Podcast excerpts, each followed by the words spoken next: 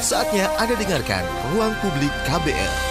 Selamat pagi, kita berjumpa kembali dalam ruang publik KBR dengan tema pagi hari ini menjawab hoax kanker payudara bersama saya Don Brady. Saudara penyebaran informasi saat ini sangat masif dan membuat kita rentan termakan hoax. Masyarakat Anti Fitnah Indonesia atau Mafindo menyebutkan hoax seputar isu kesehatan merupakan yang paling banyak ketiga setelah hoax isu politik dan agama. Bertepatan dengan peringatan bulan peduli kanker payudara selama Oktober ini, di ruang publik KBR akan dibahas berbagai hoax seputar kanker payudara yang penting di diketahui publik, sekaligus mendorong peningkatan kepedulian atas penyakit ini. Untuk itu telah hadir di studio KBR dokter spesialis bedah onkologi Dr. Diani Kartini SPBK ONK yang bertugas di Divisi Onkologi Departemen Bedah RSCM FKUI. Selamat pagi Dr. Diani. Selamat pagi. Nah, itu dia. Apa kabar? Baik. Baik ya dok ya. ya. Oke, pagi ini kita akan membahas soal hoax seputar kanker payudara. Sebelum kita membahas soal hoax atau berita-berita bohong atau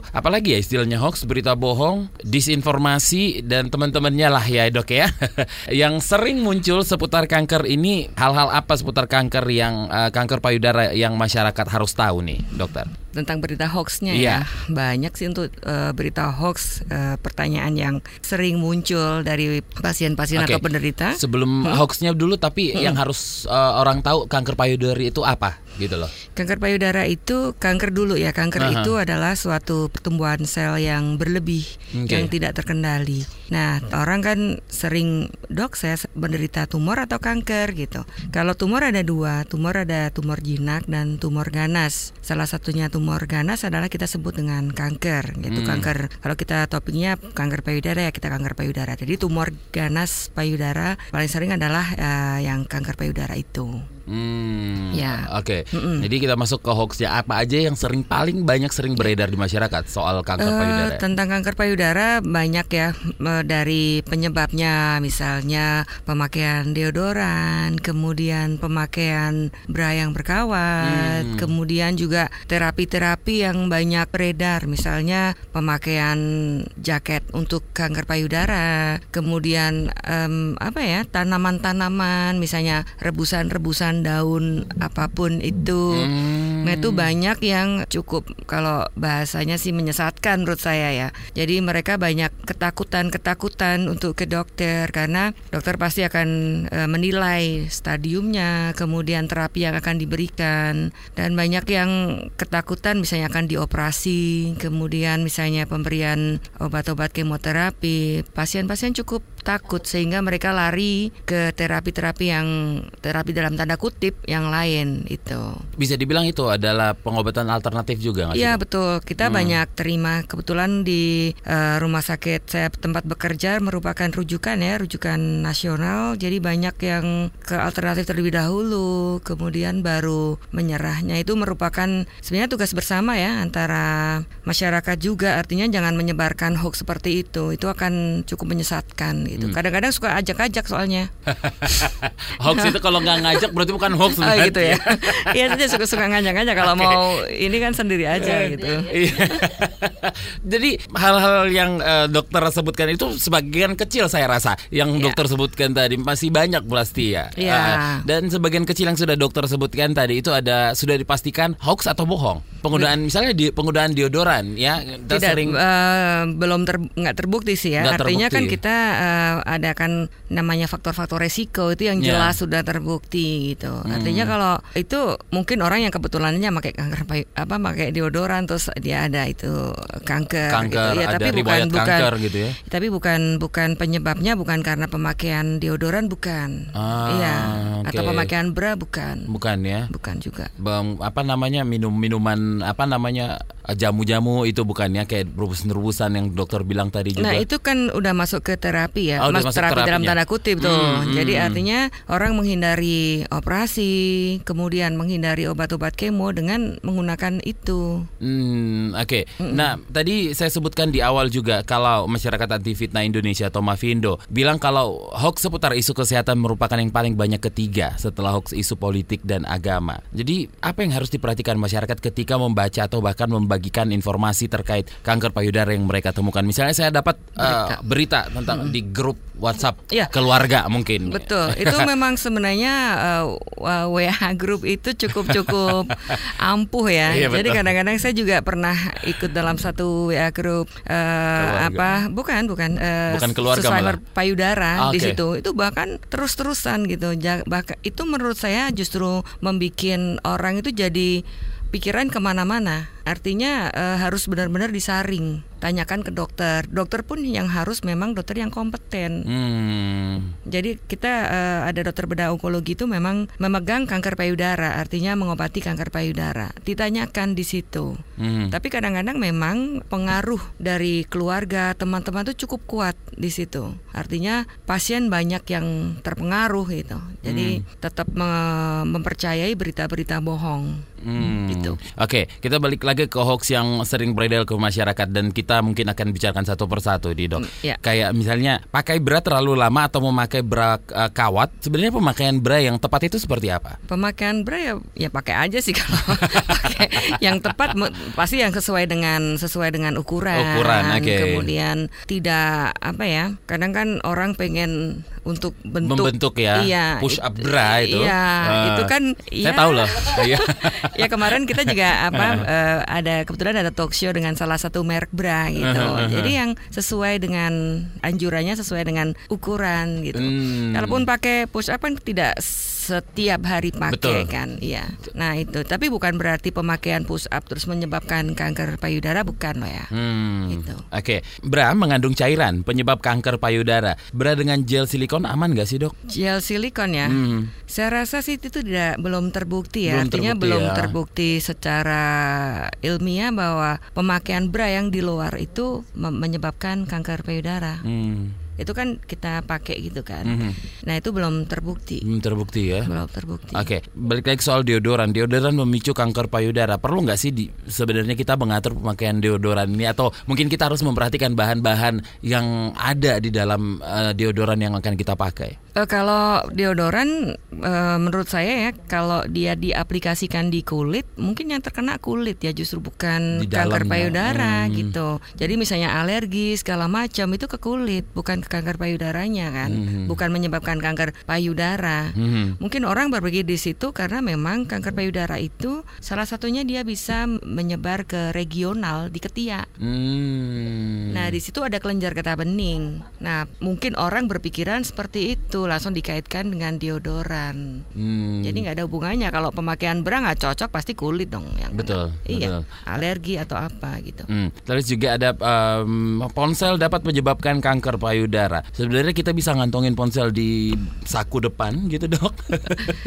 Saya kurang tahu hoaxnya itu ter agak terlalu kebangetan ya. Kayak saya rasa sih eh, Namanya mungkin juga hoax ya, kalau nggak dilebih-lebihin. Kalau nggak lebay bukan hoax sebenarnya. ya, dok. itu juga saya belum pernah baca penelitian tentang itu. Hmm, Ya. Oke, genetik keluarga adalah penyebab kanker payudara. Yang benar penyebab kanker apa sebenarnya? Nah, itu memang ada beberapa faktor resiko. Ya. Faktor resiko kanker payudara, misalnya perempuan yang tidak memiliki anak. Tentunya jenis, jenis kelamin ya, karena Mhm. laki-laki juga juga bisa. Jenis kelamin perempuan, kemudian perempuan yang tidak menyusui, kemudian tidak ada anak, riwayat keluarganya ada. Misalnya ibu atau saudara kandung kena kanker payudara itu faktor resiko. Kemudian pernah operasi tumor jinak pada masa lalunya, itu resikonya lebih tinggi. Kemudian pemakaian hormonal jangka panjang itu bisa juga menyebabkan faktor resiko. Faktor resiko artinya orang bisa kena bisa enggak. Bahkan kan pasien misalnya nggak ada faktor resiko, dia bisa kena. Nah berarti ini ada sesuatu yang lain yang bisa menyebabkan kanker payudara. Bisa juga apa dia bawaan atau mutasi atau perubahan genetiknya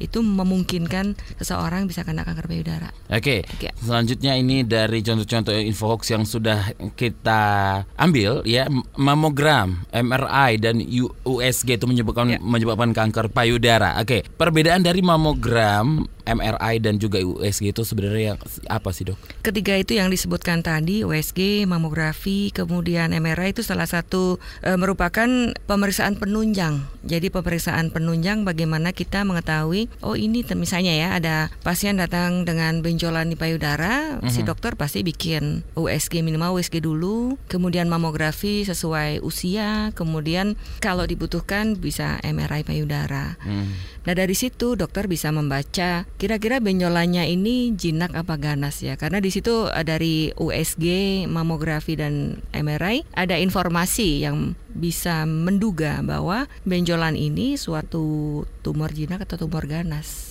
atau hmm. hormonal aja gitu. Jadi itu merupakan alat untuk uh, membantu si dokter mendiagnosis tapi bukan bukan dia menyebabkan. Memang untuk mamografi ada batasnya, misalnya minimal setahun untuk hmm. mamografi. Kalau USG silahkan kapan aja. Berarti hoax ya, dok? Iya, nggak apa-apa, nggak ada masalah. Nggak ada masalah ya. Nggak ada masalah. Nah, bagaimana dengan penggunaan alat kontrasepsi, dok? Ada penyebabnya? Kontrasepsi yang hormonal misalnya suntik, uh -huh. uh, pil, pemakaian susuk yang jangka panjang lebih dari lima tahun, nah itu harus waspada, harus hati-hati. Tapi penggunaan jangka panjang ya?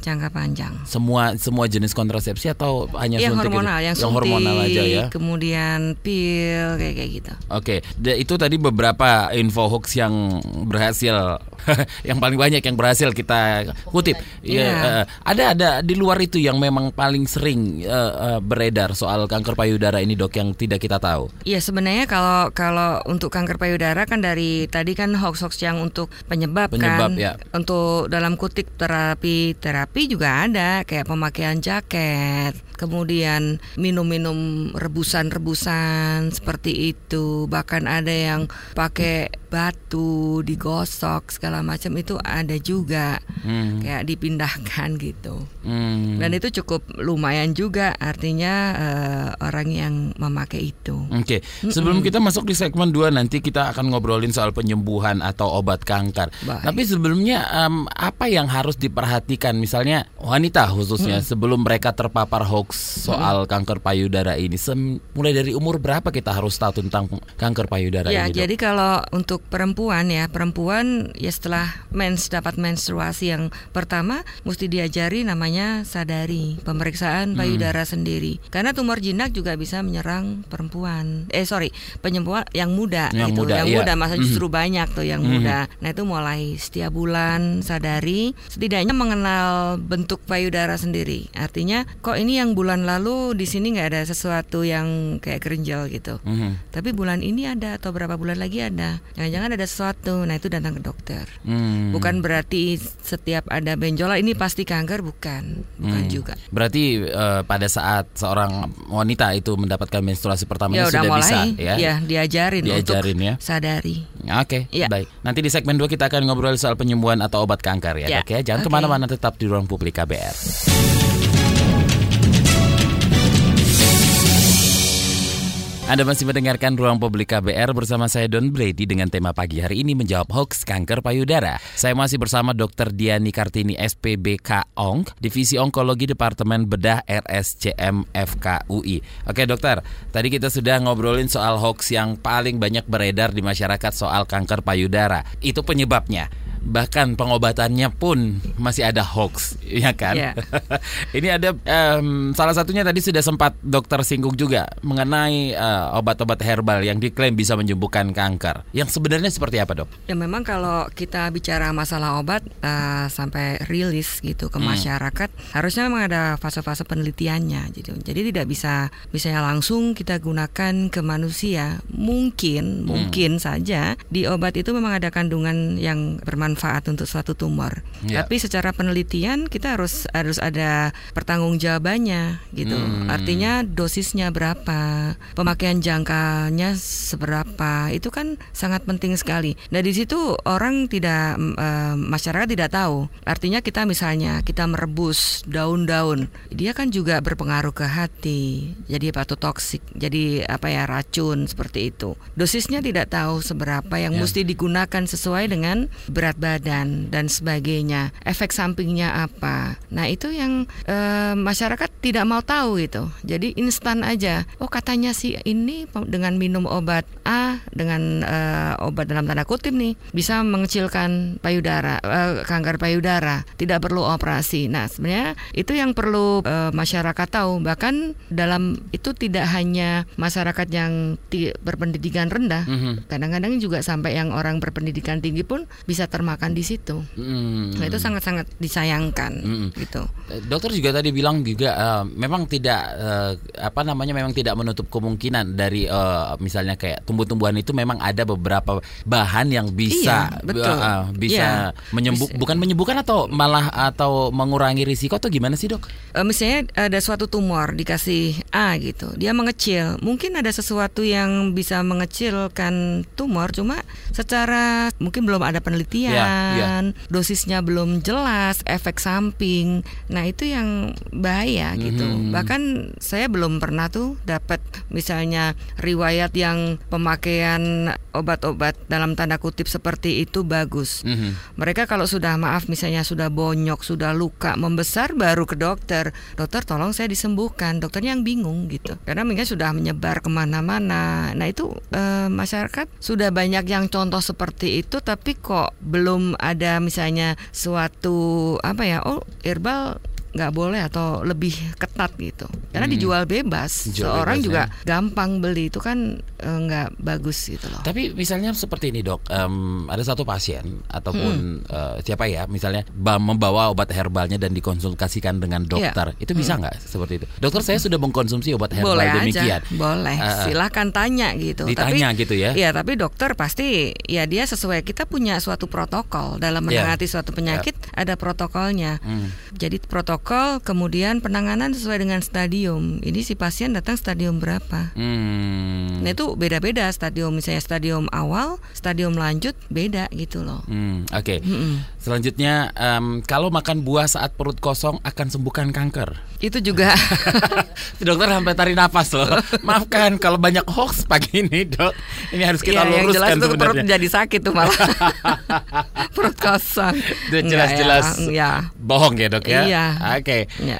Baiklah, kita bacain dulu WhatsApp ini yang sudah masuk dari ya, Ibu silakan. Bambang di Magelang. Halo, Ruang Publik KBR. Halo Ibu Bambang. Dan mau tanya, sebetulnya tanda-tanda kanker payudara itu bagaimana? Ya, uh, halo Ibu Bambang. Jadi kalau untuk uh, kanker payudara rata-rata lebih dari 50% mungkin ya pasien datang dengan keluhan ada benjolan di payudara. Jadi pasien merasa uh, ada benjolan di payudara yang mungkin sering sadari benjolan di payudara itu yang menyebabkan pasien datang ke dokter. Tinggal nanti kita cek apa ini benjolannya. Hmm. Kemudian ada juga tanda-tanda misalnya dari puting keluar cairan. Cairan terutama kecolatan, darah itu harus hati-hati. Terus kemudian ada luka. Kalau di payudara eh, ada luka, ada benjolan. Nah, itu mungkin sudah sudah lanjut. Kemudian ada lagi misalnya putingnya ketarik ke dalam. Hmm. Misalnya dari awal kan ada juga misalnya perempuan yang putingnya satu masuk, satu enggak. Itu hmm. dari awal gitu. Dari dia gadis dari dia kecil. Oke. Okay.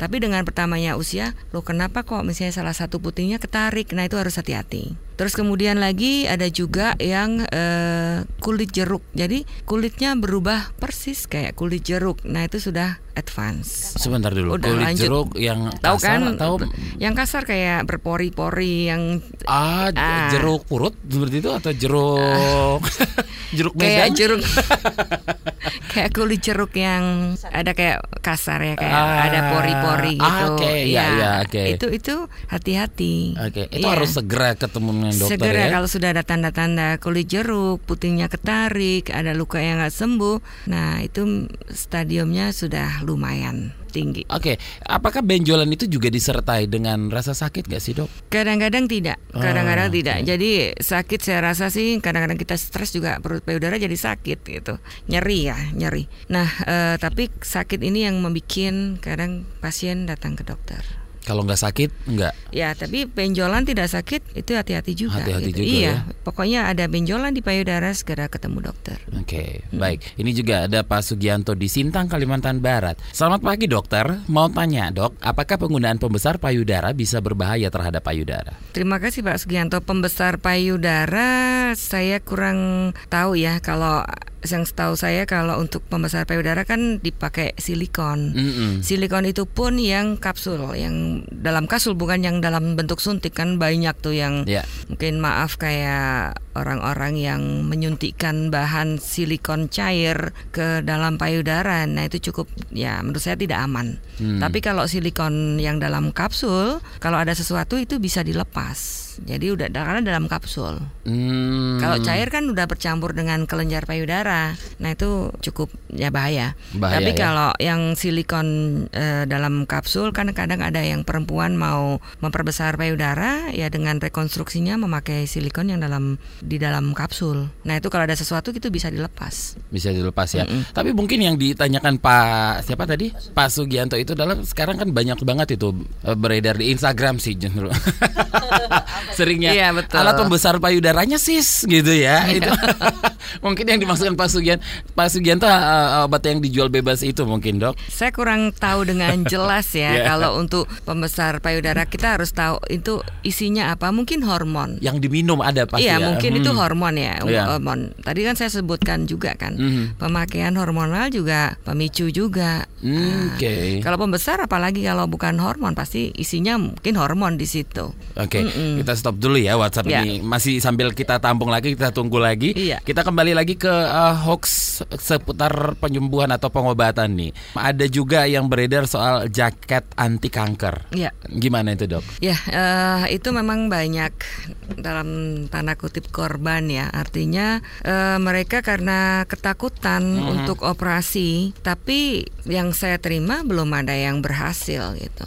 Jadi pemakaian jaket itu bahkan tidak hanya untuk payudara tuh, untuk tumor-tumor yang lain, payudaranya jadi keras, kemudian sisi sebelahnya terkena. Nah, itu eh, sangat disayangkan.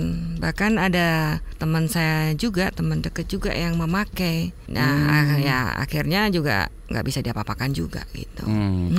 Tapi ya dokter tadi juga sempat mengatakan bukan hanya mereka saja yang mungkin uh, kurang informasi soal ini, tapi mereka yang berpendidikan tinggi juga pasti Ya, akan terkena ya, hoax. ya. Apakah mungkin ini karena mereka pengen cepat sembuh karena ketakutan atau karena Hmm, oke. uh, gimana nih dok? Ya, jadi kalau perempuan yang kena kanker payudara, saya mungkin bisa mengerti ya. Iya. Artinya dengan operasi eh, bahkan satu payudaranya bisa diangkat. Yes. Itu kan Mm-mm. untuk kepercayaan diri juga sangat-sangat berkurang. Mm-mm. Kemudian belum lagi nanti bermasalah dengan keluarga yang bermasalah, mas tentunya. Nah itu eh, cukup-cukup menghantui perempuan-perempuan yang kena kanker payudara. Jadi mereka pengen misalnya eh, payudaranya tetap ada gitu. Penyakit hilang payudara tetap ada. Memang kalau eh, datang di awal, di awal benjolannya masih kecil, kemungkinan untuk payudara dipertahankan masih ada. Kita punya apa ya cara operasi dengan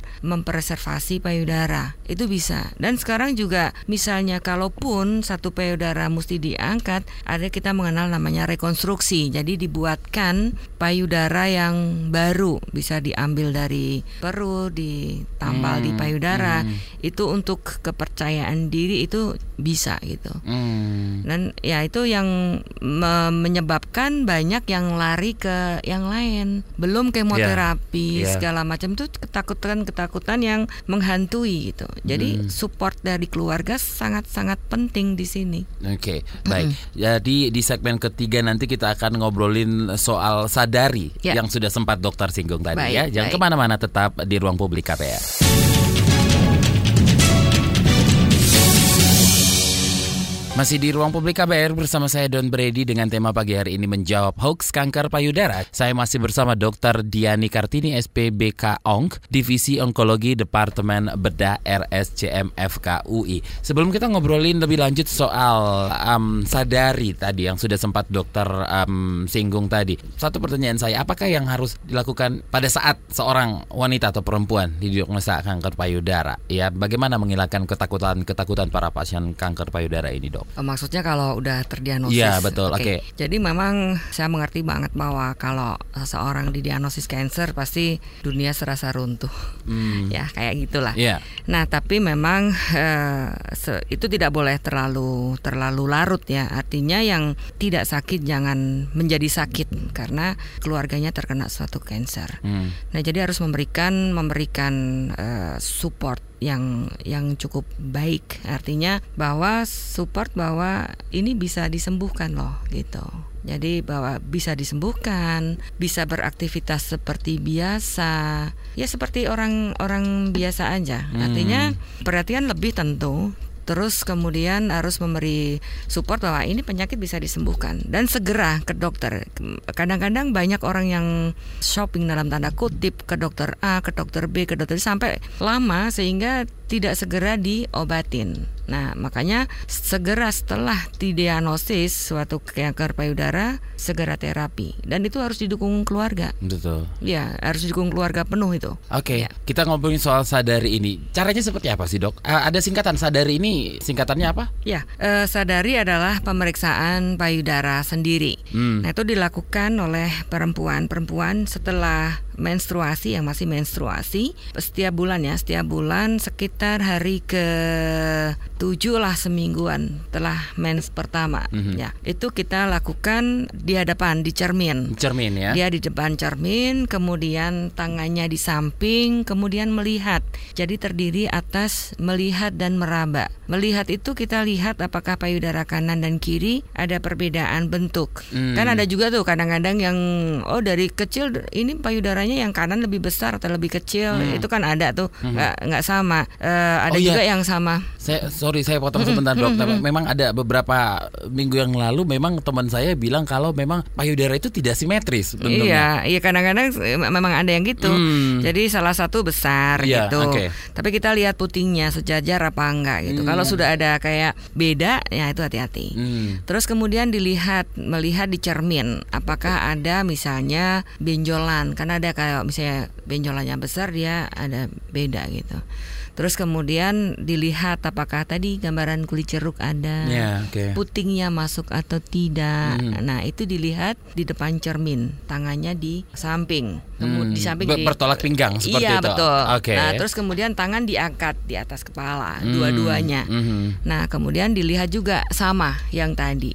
Hmm. Terus kemudian setelah itu pasien eh, meraba. Meraba itu misalnya kita mau meraba payudara yang sisi kanan, tangan kanan di atas kepala. Kemudian menggunakan tiga jari, jari telunjuk, tengah sama jari manis, kayak obat nyamuk itu muter dari luar ke tengah, ya muter. Oke. Nah itu salah satunya itu muter dari luar ke tengah. Kemudian itu pas untuk memeriksa benjolan gitu Iya, ada atau betul. tidak benjolan di Ah, situ ya. Betul. Kemudian diperhatikan dari bulan ke bulan sama atau enggak nih. Gitu. Hmm. Kadang-kadang kalau kecil susah juga pasien meraba kan. Nah terus kemudian setelah itu puting dipencet. Ada keluar cairan atau tidak itu. Hmm. Kemudian sisi yang kiri sama juga tangan kiri di atas kita menggunakan tangan kanan untuk meraba. Hmm, Oke. Iya. Baik, kita angkat telepon dulu ada Pak Yanto di Kalimantan Barat. Halo, selamat pagi Pak Yanto. Selamat pagi, Pak. Iya, Selamat silakan. pagi, Bu Dokter. Selamat pagi Pak Yanto. Nah, ini saya mau tanya, Bu ya. Saya kan punya istri, Bu ya. Setiap setiap dia saya punya anak dua, Bu ya. Iya. Setiap, setiap dia setelah melahirkan air susunya kan susah keluar, Bu ya. Iya. Mhm. Nah, susah keluar, selalu sakit. Iya. Sakit, nah, kita cek ke dokter katanya itu memang biasa. Iya. Nah, setelah kita itu sampai 2-3 hari agak membengkak, kita bisa sembuh sendiri. Sudah kita sembuh, air susu itu bisa keluar. Anak kedua juga gitu. Apakah itu ada gejala ke payudara? Kak? Hmm, Ya, Oke. oke. Baik. Ada itulah saya. Terima kasih. ya. Terima kasih. Waalaikumsalam Pak Yanto di Kalimantan Barat. Silakan, Ya, Dok. eh, terima kasih pertanyaannya. Jadi memang pada orang menyusui problem yang paling sering adalah infeksi. Oke. Infeksi dari eh, payudara atau kita sebut dengan mastitis. Nah, gejalanya adalah tentunya bengkak, kemudian ada kemerahan, kemudian eh, demam, nyeri. Nah, itu tanda-tanda infeksi eh, dari payudara. Memang dia bisa sembuh, bisa sembuh eh, kembali seperti semula. Itu khas untuk orang-orang yang menyusui. Tapi kalau di luar itu ada dengan tanda-tanda seperti ter- tersebut tadi, misalnya kemerahan, nyeri, nah itu memang harus segera ke dokter, dilihat. Kita pemer kita lihat pemeriksaan dokter, kemudian ada pemeriksaan penunjang yang tadi disebutkan bisa USG atau uh, mamografi juga mungkin sesuai usia. Nah, kemudian untuk memastikan biopsi. Kalau misalnya itu kemerahan karena payudara kanker payudara yang sudah lanjut bisa kemerahan tapi dia nggak bisa balik ya seperti itu malah bahkan tambah berat itu. Oke, jadi ya. untuk Pak Yanto di Kalimantan Barat tadi ya kalau misalnya pada saat menyusuin ada kemerahan kemudian ke dokter hilang mungkin suatu infeksi. Hmm. Tapi baiknya lagi uh, coba diperiksakan lagi kemudian dengan pemeriksaan penunjang seperti USG untuk uh, memastikan bahwa memang payudaranya aman. Oke. Okay. Iya. Kita angkat dulu ini Ibu Ella ya. Ibu Ella di Cibubur. Selamat pagi Ibu Ella. Pagi. Silakan. Ya, pagi Mas, pagi Bu. Saya ya. mau nanya, ini untuk mengenai apa uh, dengan kanker payudara.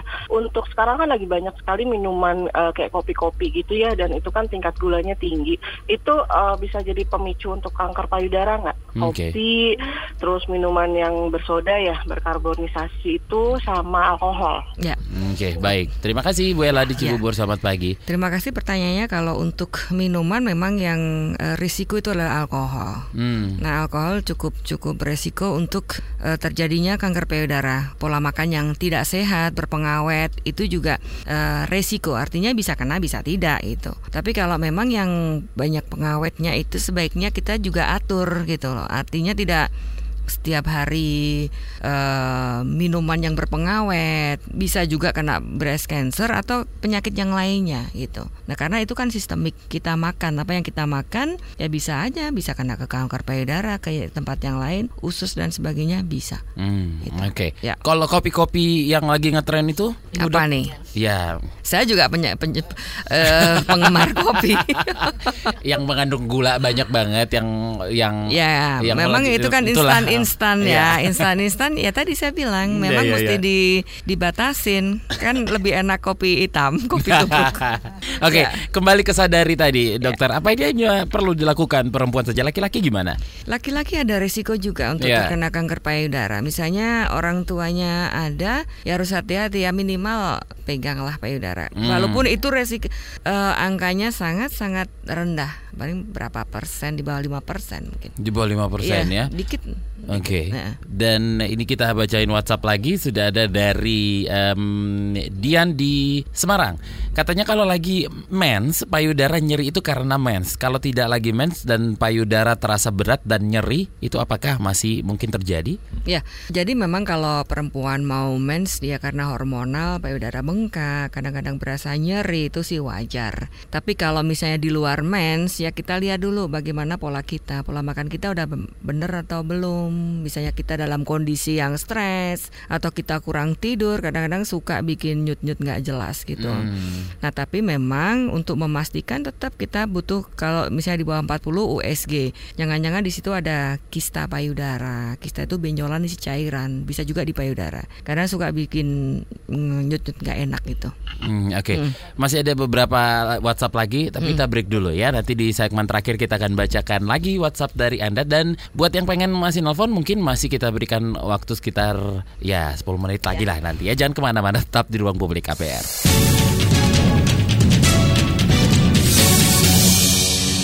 Kita sudah di segmen terakhir Ruang Publik KBR bersama saya Don Brady dengan tema pagi hari ini menjawab hoax kanker payudara. Dan saya masih bersama Dr. Diani Kartini SPBK ONG dan eh, kita akan bacakan beberapa WhatsApp lagi ini ya dok ya dari Tuti di Yogyakarta. Herbal herbal itu kan katanya balik lagi ke herbal ya dok ya. herbal herbal itu kan katanya bisa sembuhkan kanker. Saya tidak percaya, tapi apakah mereka bisa mencegah kena kanker? Ya terima kasih ya pertanyaannya. Jadi kalau untuk mencegah pun juga nggak bisa. Yang kita bisa kerjakan untuk mencegah ya tentunya lifestyle. Itu yang bisa kita yang bisa kita kerjakan lifestyle itu. Tapi kalau bawaan itu ya kita agak susah ya untuk mencegah. Misalnya keturunannya ada itu kita susah untuk mencegahnya. Tapi kalau pola hidup aja yang bisa kita kerjakan pola hidup sehat, apa olahraga, Hmm. istirahat cukup dari makan-makan itu yang bisa kita kerjakan. Bukan eh, maaf kayak minum-minum herbal gitu. Nah itu kan kita juga nggak tahu dosisnya, pemakaian jangka panjang, efeknya seperti itu. Oke, ada Ibu Magda di Jakarta. Selamat pagi, Ibu Magda. Iya, selamat pagi. Silakan. Iya, selamat pagi dokter. Pagi. Eh, saya mau tanya ya, kebetulan saya saat ini menderita tumor jinak. Ya. Eh, jadi ada miom di dinding rahim saya. Mm-mm. Usia saya udah 48 tahun. Ya. Eh, jadi eh, waktu tanya ke dokter, dokter bilang ada dokter yang mengatakan harus operasi, ada juga yang mengatakan nggak perlu, ada juga yang mengatakan nggak belum belum perlu operasi karena dengan usia saya segini pada saat nanti saya menopause dia akan mengecil katanya seperti itu kan gitu karena Ya. saya sampai sekarang masih haid juga Ya. tapi pada saat saya haid keluarnya biasa hanya mungkin waktunya memang kadang-kadang tiga minggu udah haid gitu kan. Tapi keluar darahnya seperti biasa nggak ada keluhan sakit sama sekali juga gitu. Ah, jadi ini yang saya ingin tanyakan apakah kalau misalkan saya nggak operasi apakah bisa berpotensi kena misalkan ke payudara gitu kan? Ah, terus yang kedua apakah ada makanan dan minuman yang harus saya pantang seperti itu Baik, terima Oke, kasih. gitu aja dokter. Ya. Terima kasih, selamat pagi. Selamat pagi, Bu Magda di Jakarta. Silakan, Ya, Dok. terima kasih Bu Mada. Cuma memang pertanyaannya agak bukan bidang saya, tapi saya coba untuk jawab bahwa misalnya kita berhadapan dengan dokter, opini dokter yang berbeda-beda. Nah, coba kita lihat dulu dokternya itu kalau sakit ibu mungkin lebih cocok ke dokter ginekologi yang onkologi. Jadi kan ada dokter dokter kandungan tuh sekarang juga ada sub-subnya seperti dokter bedah gitu. Jadi saran saya sarankan Bu Mada ke dokter onkologi yang ginekologi yang onkologi. Nah, itu mungkin lebih banyak mendapat informasi kapan harus operasi, kapan enggak gitu atau pengawasan aja. Nah untuk yang mioma saya rasa sih untuk terjadi kanker payudara enggak ya. Jadi kalaupun ada kanker payudara ya ada aja. Artinya bukan karena ada miomnya itu. Miom kalau miom sih tumor jinak memang. Mhm. Itu aja. Masalah makanan dan Ya minuman yang harus makanan jadi pantang. ya sebenarnya sih eh, kalau makanan standar semua dokter pasti bilang makanan sehat tuh yang seperti apa? Jangan Ya, goreng-gorengan. Yang pengawet. ya goreng-gorengan tuh Terus kenapa setiap penyakit harus jangan goreng-gorengan sih, Dok? goreng-goreng itu mungkin larinya ke kayak kolesterol kayak kayak gitu. Semua penyakit kurangin goreng-gorengan ya pasti gitu deh, Dok. itu standar dokter standar ya. dokter tuh. Apa Ya memang udah. udah standar umum ya intinya kalau makan sehat kalau gorengan kita bisa Tidak bisa- sehat ya? Bukan tidak sehat, artinya minyaknya kan ada yang Nah. minyak sehat kan, Nah. ada yang minyak bagus. Tapi kalau kita sering di pinggir jalan yang mungkin rasanya lebih kalau orang-orang kantor kan lebih ya, itu ya. ya itu mungkin diatur lah ya, diatur. Yang penting yang imbang gitu, imbang.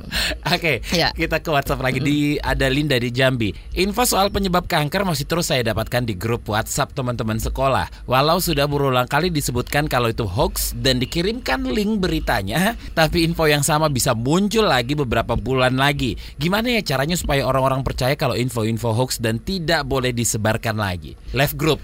Ya, itu.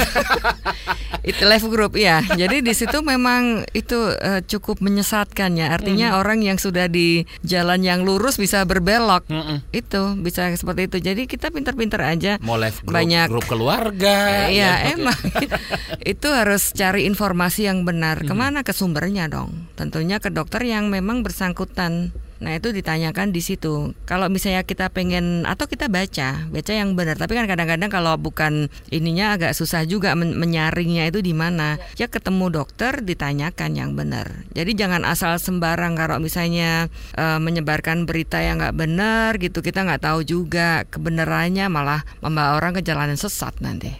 Oke, left group sih kalau saya mah ya. Iya, kalau udah kayak gitu, betul. udah dikasih tahu yang benar, tapi tetap aja Iya. dikirimnya left aja. Dari Dewi di Padang, dokter saya kalau merasa sakit tertentu biasa langsung cari di internet. Ada situs-situs tanya jawab atau artikel yang katanya dibuat atau dijawab oleh dokter. Itu cara memastikan situs itu memang melibatkan dokter seperti apa ya?